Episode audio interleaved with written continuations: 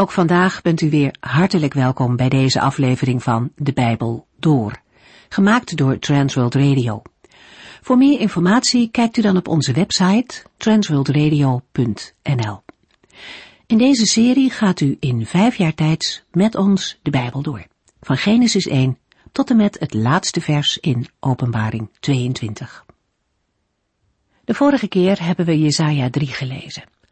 Als u ons programma niet zo vaak kunt volgen, maar eigenlijk wel de complete serie over bijvoorbeeld Jezaja zou willen beluisteren, dan kunt u dat ook via onze website doen, op het moment dat het u goed uitkomt. Of u bestelt de serie tegen een kleine vergoeding op een memory stick via ons kantoor. Onze website is transworldradio.nl, ons telefoonnummer 0342 478 432. We gaan verder met Jezaja en hoofdstuk 3 is niet echt een opbeurend of troostrijk hoofdstuk. Het gaat door met de beschrijving van Gods oordeel over de zonde van Juda. Zonden als schaamteloosheid, onderdrukking, corruptie en trots zijn de gewone manier van leven geworden in Juda. Godsdienst is daarmee verworden tot een schijnheilig gebeuren. In hoofdstuk 3 kondigt de Heer de verschillende oordelen aan. Allereerst een hongersnood, verder slecht bestuur, armoede en uiteindelijk zal er oorlog komen. Jezaja 3 past het best aan het eind van de regering van koning Uzia. De oordelen die worden aangekondigd zijn dan in eerste instantie voltrokken tijdens de Syro-Eframitische oorlog. De Heere wordt aan het begin van dit gedeelte God, de Heere van de hemelse legers genoemd. Jezaja benadrukt met die naam de totale macht en heerschappij van de Heere. En vervolgens beschrijft de profeet hoe ernstig het binnen Juda gesteld is. Het gebrek aan goede leiders, rechters en profeten veroorzaakt een crisis in het land. Het bestuur doet maar wat. En ook onderling leven mensen in ruzie en ontbreekt het aan fatsoen ten opzichte van elkaar. Mensen zondigen, maar ze schamen zich er niet eens voor. Er wordt zelfs openlijk over gepraat. Leven zonder God heeft gevolgen. En Jezaja laat haar scherp zien waar de problemen zitten. Het is jullie eigen schuld, zegt hij ronduit. En vervolgens stelt de Heere via de profeet een groep vrouwen aan de kaak. Het zijn vrouwen die alle aandacht naar zichzelf toe willen trekken, maar niet opkijken tegen God. Ze zijn trots en begeerig. En er zal echter niets van overblijven dan schaamte en vernedering. Zo concludeert de profeet. Vanaf dit punt lezen we nu verder in Jesaja 4. In de vorige uitzending hebben we gelezen dat de vrouwen van Jeruzalem weduwen zullen worden, omdat hun echtgenoten in een oorlog zullen sneuvelen. Het heeft tot gevolg dat de hele stad zal treuren en rouwen. De vrouwen zullen huilend op de grond zitten, omdat ze geruïneerd zijn. Vanuit de Hebreeuwse tekst is ook de uitleg mogelijk dat de stad Jeruzalem wordt voorgesteld als een weduwe die eenzaam neerzit. Te vergelijken met wat we lezen in Klaagliederen 1 vers 1. De straten van Jeruzalem, eens vol mensen, liggen er nu verlaten bij. Als een verdrietige weduwe zit zij daar eenzaam neer, zij treurt. De vrouwen zitten huilend op de grond, omdat hun mannen gedood of gevangen zijn genomen. Ze blijven achter, zonder wettelijke en sociale bescherming. Weduwschap kon ook een schande zijn voor een vrouw, de schande van het ongehuwd zijn en geen kinderen hebben. Jesaja 4 vers 1 In die tijd zullen zo weinig mannen in leven zijn gebleven, dat zeven vrouwen om één man zullen vechten en zeggen, laat ons allemaal met u trouwen. Wij zullen voor ons eigen voedsel en onze eigen kleding zorgen. Laat ons slechts uw naam dragen, zodat onze vernedering wordt teniet gedaan. De oorlog heeft zoveel mensenlevens geëist, dat er een verhouding van zeven vrouwen tegenover één man wordt genoemd. Om deze schande weg te doen, verklaren vrouwen zich bereid af te zien van een bruidschat of levensonderhoud als ze maar konden trouwen met een van de overgebleven mannen. De wet verplicht een man om voor het onderhoud van zijn vrouw te zorgen.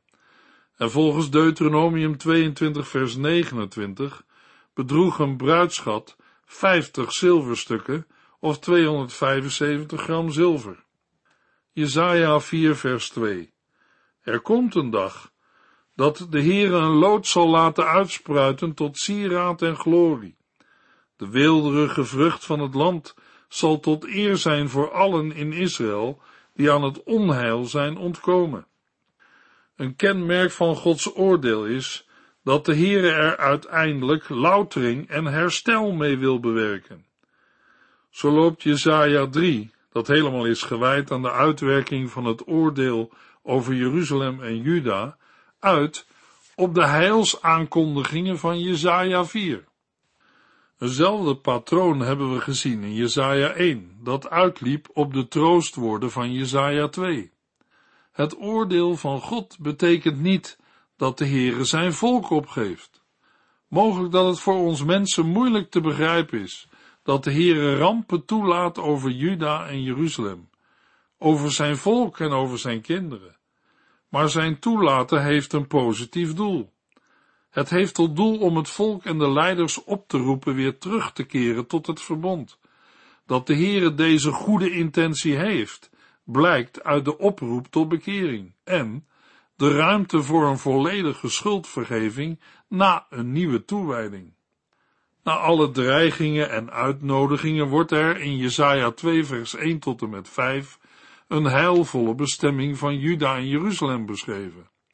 Maar zal dit positieve vooruitzicht het volk en de leiders tot inzicht en bekering brengen? We kunnen de beschreven situatie enigszins vergelijken met het opvoeden van kinderen. Vaders of moeders waarschuwen voor gevaren en dingen die niet kunnen. Als kinderen luisteren, is er niets aan de hand. Maar bij ongehoorzame kinderen is er, na verschillende waarschuwingen, vaak een hardere hand of zijn er maatregelen nodig om het juiste inzicht en gedrag te krijgen. Kinderen zullen na een tik voor de billen niet direct zien dat vader of moeder dit heeft gedaan, omdat zij zoveel van hun kind houden. Maar dat is wel zo. Of het zou in ieder geval zo moeten zijn. Voor de eerste maal in Jesaja komt het belangrijke thema van de heilige rest of het overblijfsel naar voren. Na het oordeel gaat de Heere met zijn heilsplan verder. Ditmaal met een gezuiverd klein overblijfsel, namelijk allen in Israël die aan het onheil zijn ontkomen. Een historische situatie is niet uit Jesaja 4 af te leiden, maar de omringende hoofdstukken wijzen vermoedelijk naar de tijd van Uzia. Het is mogelijk dat de uitdrukking allen in Israël die aan het onheil zijn ontkomen aansluit bij de stroom vluchtelingen uit het noordelijke rijk die in de tijd van Jezaja in Juda en Jeruzalem een veilig heenkomen zochten. Die stroom kan op gang gekomen zijn door de interne strijd in Israël en door het geweld van de Assyriërs. Rond 723 voor Christus is Samaria verwoest door de Assyriërs. Hiskia heeft rond die tijd Jeruzalem sterk laten uitbreiden.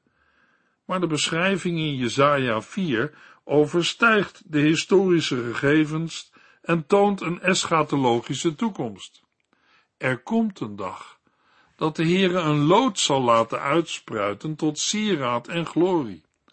De weelderige vrucht van het land zal tot eer zijn voor allen in Israël die aan het onheil zijn ontkomen.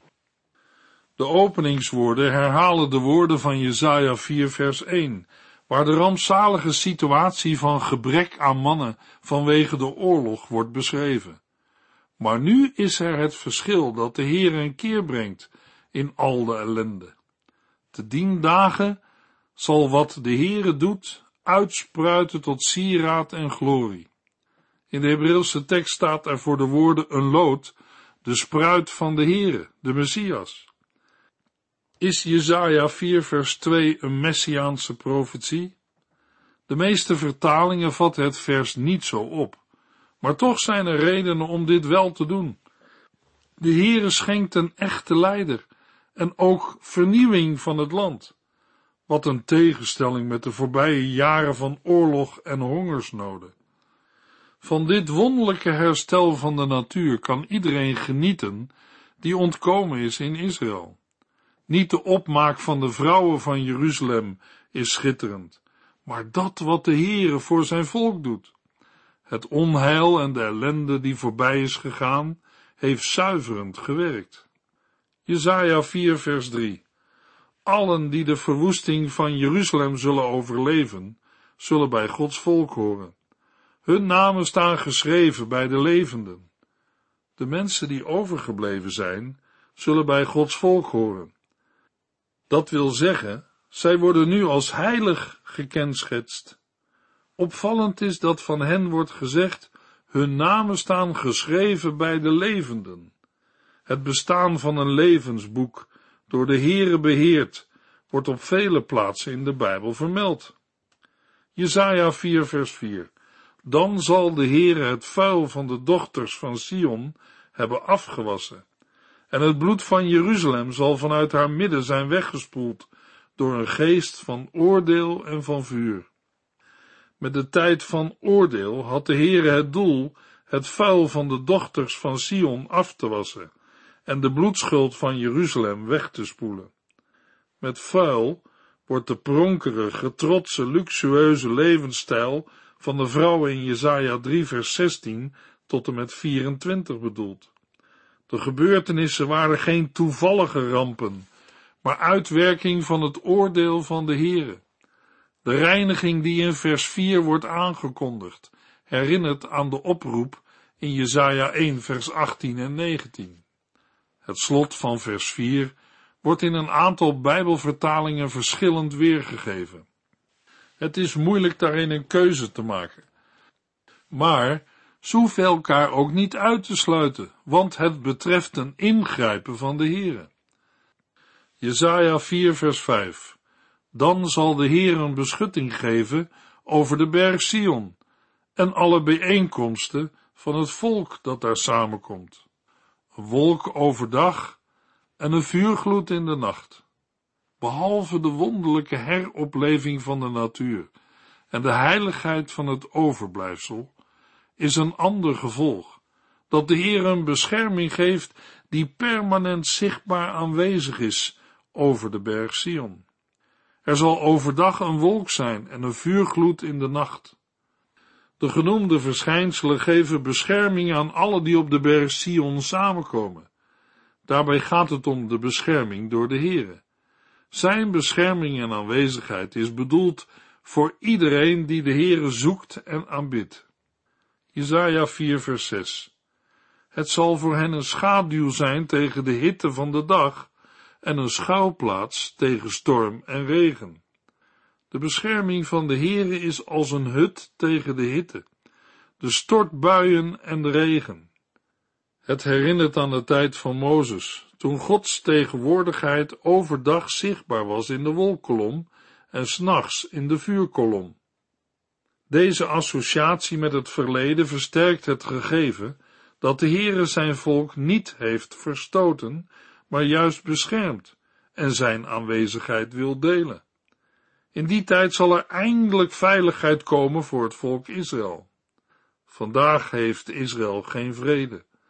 Daarom is deze profetie nog niet vervuld. Het is in Israël nog geen werkelijkheid dat elke man in vrede onder zijn eigen wijnstok en vijgenboom kan zitten. De eerste hoofdstukken van Jezaja geven een afwisseling van dreiging, straf en geweldige vooruitzichten. Al deze zaken zijn bedoeld om het volk tot inkeer te brengen. De Heer is blijkbaar niet alleen in voorspoed, maar ook in rampen aanwezig. Vertrouwen op de leiders is te vergeefs, want zij zijn misleiders en zullen vallen. Als ook de vrouwen diep vernederd zijn, zal er voor het overblijfsel toch weer een positieve toekomst zijn. Deze positieve toekomst is te danken aan Gods reddende en reinigende werk. De beschreven werkelijkheid is een eschatologische toekomst, waarin geldt, u moet heilig zijn, want ik, de Heer uw God, ben heilig. Dat is het doel dat de Heer beoogt met al zijn handelen in de geschiedenis. Ook in het Nieuwe Testament worden de gelovigen op grond van het werk van Christus daartoe opgeroepen. We lezen dezelfde woorden uit het Oude Testament in het Nieuwe Testament. Onder andere in 1 Petrus 1 vers 15 en 16. Wees heilig in alles wat u doet, want de Heere die u heeft geroepen om zijn kind te worden, is heilig. Hij heeft het zelf gezegd. Wees heilig, want ik ben heilig. De profetieën belichten aspecten van wat de Heere doen zal, en meermalen blijven er grote vragen over de manier waarop de inhoud gerealiseerd zal worden. Ze zijn niet bedoeld om een blauwdruk van de toekomst te ontwerpen, maar dringen meestal aan bij de hoorder en lezer om op de Heere te vertrouwen en hem te dienen. Daarom kunnen ook niet alle vragen over profetieën duidelijk worden beantwoord, maar de contouren zijn wel helder. De apostel Petrus verklaart in 2 Petrus 1 vers 19, wij zijn er nu dus nog zekerder van dat het waar is wat de profeten hebben gezegd.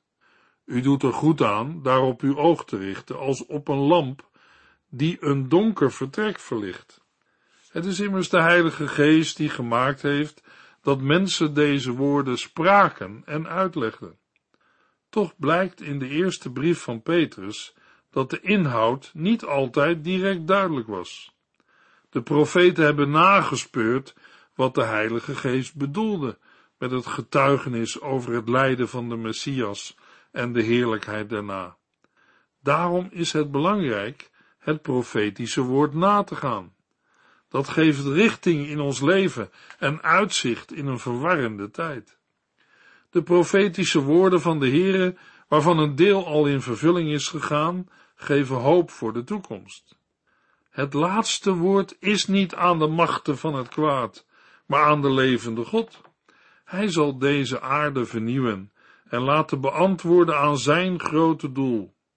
Hoe dat allemaal precies zal gaan, is ons niet bekend. In dit licht moeten gelovigen dan ook voorzichtig zijn om al te snel allerlei Bijbelgedeelten te verbinden met hedendaagse gebeurtenissen en personen. Gelovigen moeten de heilshistorische samenhangen niet uit het oog verliezen. Wat wel bekend is en wat wij opmerken, mag een aansporing zijn om met verlangen uit te zien naar de komst van Christus en Hem met blijdschap te verwachten. Kom, laat ons zingen, God is goed. De apostel Paulus citeert in Romeinen 9 tot en met 11 veel profetieën die betrekking hebben op het ongeloof en de bekering van Israël. Zijn betoog loopt uit op een lofzang. Wat is God groot? Zijn rijkdom, wijsheid en kennis zijn onmeetbaar. Geen mens weet hoe hij zijn beslissingen neemt. Het is onmogelijk zijn wegen na te gaan. Jesaja 5 vers 1 Nu wil ik een lied zingen voor mijn geliefde over een wijngaard. Mijn geliefde had een wijngaard op een vruchtbare heuvel. Jesaja 5 opent met het lied van de wijngaard in vers 1 tot en met 7, gevolgd door een zesvoudig wee, wat niet in alle vertalingen letterlijk is terug te vinden, in de versen 8 tot en met 24. Jesaja 5 sluit af met een aankondiging van het oordeel, in Jesaja 5 vers 25 tot en met 30.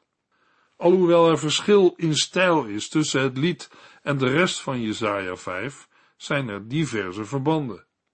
De aanklacht in de versen 2 tot en met 4 en 7 wordt uitgewerkt in het zesvoudige wee van de versen 8 tot en met 24. Het oordeel in de versen 5 en 6 vindt weerklank in de slotversen 25 tot en met 30. Jesaja 5 grijpt ook terug op eerdere onderwerpen. De beeldspraak van de wijngaard is al genoemd in Jesaja 3 vers 14 en in Jesaja 4 vers 2. Hoewel bij het oordeel aan heel Israël gedacht kan worden, is de boodschap van Jesaja vooral gericht tot de inwoners van Jeruzalem en de mannen van Juda. De profeet noemt veel sociale misstanden, terwijl er in de toekomst een ernstig militair ingrijpen zal komen. Deze dingen passen het beste in de tijden van voorspoed tijdens de regering van Uzia en Jerobiam II, of een van zijn opvolgers. Jesaja 5 vers 1 tot en met 7 is een poëtisch gedeelte en wordt aangeduid als lied. Gezien de inhoudelijke overeenkomsten met de gelijkenis van Jotam, van Nathan, van de vrouw uit Tekoa en de vertelling van een profeet in de tijd van Agab, kan het gedeelte het best worden opgevat als een gelijkenis of parabel. Daarbij moeten we dan specifiek denken aan een gezongen parabel. Het lied beschrijft een wijngaard waarvan de opbrengst niet beantwoordt aan de zorg die de eigenaar eraan heeft besteed. De inwoners van Jeruzalem en Juda worden gevraagd of er nog iets meer aangedaan kan worden. Na het onuitgesproken nee wordt de verwoesting van de wijngaard aangekondigd. Maar aan het eind van het lied blijkt dat het volk zelf de wijngaard is. Een krachtig verrassingseffect. Wat aanvankelijk een onschuldig liefdeslied was, blijkt uit te lopen op een aanklacht van de Heere tegen zijn volk. Uit het woordje ik met een hoofdletter blijkt de eigenaar de Heere te zijn. Daarna gaat de beeldspraak over in die van een wijngaard. Jesaja 5 vers 2 Hij bewerkte de grond, haalde alle stenen en stukken rots eruit, beplantte hem met de beste wijnstokken. Hij bouwde een uitkijktoren en hakte een wijnpers uit in de rotsen. Toen wachtte hij op de oogst. Maar de druiven die groeiden waren wild en zuur en niet de zoete druiven die hij had verwacht. Vers 1 en 2 beschrijven de bijzondere zorg die de geliefde, die tegelijk de eigenaar is, aan zijn wijngaard heeft besteed. Hij legde die aan op een vruchtbare heuvel, spitte de grond op en haalde alle stenen eruit, beplantte het terrein met de beste wijnstokken, bouwde een toren en legde een perskuip aan. Maar tegen alle verwachting in, blijkt de opbrengst teleurstellend te zijn. In plaats van goede druiven, waren de druiven wild en zuur. Jezaja 5, vers 3 tot en met 6. Wel, inwoners van Jeruzalem en Juda, u hebt gehoord hoe de zaak ligt. Spreek nu uw oordeel uit. Wat had ik nog meer kunnen doen? Waarom gaf mijn wijngaard mij wilde druiven in plaats van zoete? Weet u wat ik nu met mijn wijngaard ga doen? Ik ga de omheining afbreken, zodat hij weer een deel van de wildernis wordt en de schapen en het vee hem kunnen vertrappen. Ik zal de planten niet meer snoeien en het onkruid niet langer wieden, zodat alles wordt overwoekerd met distels en dorens. Ik zal de wolken opdracht geven geen regen meer te laten vallen. In vers 3 komt de eigenaar zelf aan het woord. Hij wendt zich tot de inwoners van Jeruzalem en Juda om steun. Zij worden opgeroepen als getuigen om hun oordeel uit te spreken. Met een retorische vraag maakt de eigenaar duidelijk dat hij er alles aan heeft gedaan om zijn wijngaard optimaal te verzorgen en dat hij erg teleurgesteld is. In vers 5 kondigt de eigenaar zijn drastische beslissing aan. Hij zal de verzorging, het snoeien en schoffelen, staken en elke bescherming van een omheining afbreken, zodat de wijngaard weer een deel van de wildernis zal worden door onkruid en door vertrappende dieren. Ook zal hij de wolken opdracht geven geen regen meer te geven. Door de woorden opdracht geven in betrekking tot regen laten vallen, wordt indirect duidelijk dat de Heer aan het woord is. Hij laat de wijngaard niet zomaar in de steek, maar werkt bewust aan de afbraak. Deze woorden zijn een duidelijke voorzegging van de aanstaande ballingschappen van beide koninkrijken. Meer dan 500 jaar had de Heere de grote naties van de wereld weggehouden van het beloofde land. Israël was een brug tussen drie continenten. De Heer had een beschermende omheining om hen heen gebouwd. Niemand mocht hen aanraken. Maar in het begin van Jesaja 5 gaat de Heere de omheining afbreken. Eerst komen de Syriërs daarna de Assyriërs en dan de Galdeën of Babyloniërs. Ze stormen het land Israël binnen en verwoesten het. Jezaja 5 vers 7 tot en met 11. Ik heb u het verhaal verteld van Gods volk. Dat is de wijngaard waarover werd gesproken. Israël en Juda zijn planten die hij met zorg beheert. Hij verwachtte rechtvaardigheid te oogsten, maar het werd onrecht. Hij verwachtte rechtsbetrachting, maar het werd rechtsverkrachting. U koopt zoveel huizen en akkers voor uzelf, dat anderen geen plaats hebben om te wonen. Maar de Heere van de hemelse legers heeft uw lot bezegeld. Ik hoorde hem zeggen, veel mooie huizen zullen verwoest en verlaten liggen. Zelfs de grootste zullen niet meer bewoond worden. Een wijngaard van veertig aren zal nog geen vier liter druivensap opleveren en een grote berg saaigoed zal slechts een kleine hoeveelheid olie opleveren. Wee hun die al vroeg in de morgen sterke drank drinken en deelnemen aan drinkgelagen die tot diep in de nacht doorgaan. In vers 7 komt de profeet aan het woord en vertelt dat de wijngaard het volk Israël is. De inwoners van Jeruzalem en Juda zijn bevoorrechte planten. De Heere verwachtte goed bestuur en rechtsbetrachting, maar vond enkel bloedbestuur en rechtsverkrachting.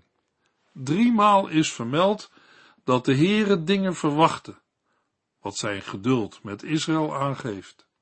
In de Hebreeuwse tekst van Jesaja 5 vers 8 tot en met 24 vinden we een zesvoudig wee. Daarbij worden de rijken aangeklaagd en verschillende misstanden gehekeld. Van morgens vroeg tot s avonds laat is men bezig zich te bedrinken. In die benevelde toestand is er geen aandacht meer voor het handelen van de Heere. In de volgende uitzending lezen we verder in Jesaja 5. U heeft geluisterd naar De Bijbel Door, in het Nederlands vertaald en bewerkt door Transworld Radio. Een programma waarin we in vijf jaar tijd de hele Bijbel doorgaan. Als u wilt reageren op deze uitzending of u heeft vragen, dan kunt u contact met ons opnemen. Tijdens kantooruren kunt u bellen op 0342 478432. 0342 478432. Ook kunt u een e-mail sturen naar de transworldradio.nl en natuurlijk kunt u ook via de post ons bereiken. TWR, postbus 371, postcode 3770, AJ in Barneveld. Dit programma werd gepresenteerd door Cor Weda en Ike André. Techniek was in handen van Odin van Voerkom. En wij allemaal bedanken u voor het luisteren. Graag tot de volgende keer.